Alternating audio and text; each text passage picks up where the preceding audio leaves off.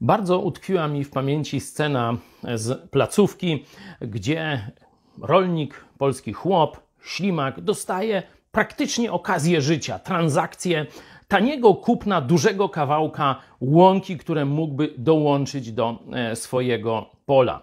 Dziedzic zamiast zmarnować, chce jemu sprzedać, bo zna go, bo wie, jaki ciężki jego los. Proponuje mu naprawdę za bardzo, bardzo niską cenę, ale musi tej transakcji dokonać dziś.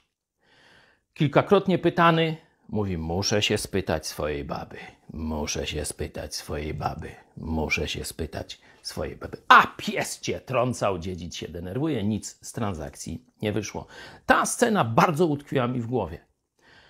Nie musisz się pytać swojej baby.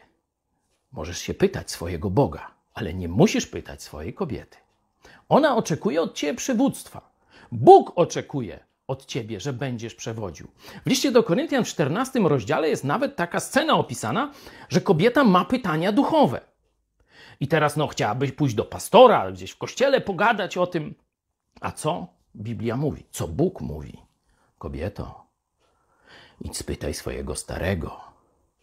To jego ustanowiłem, żeby tobą przewodził także w dziedzinie duchowej.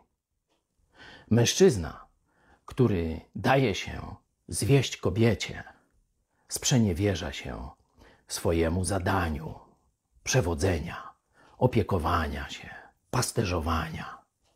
Mężczyzna, który daje się zwieść swojej kobiecie, sprzeniewierza się Jezusowi Chrystusowi. Trudna sprawa. Chrześcijaństwo to naprawdę dla prawdziwych kozaków jest, a nie dla ciot.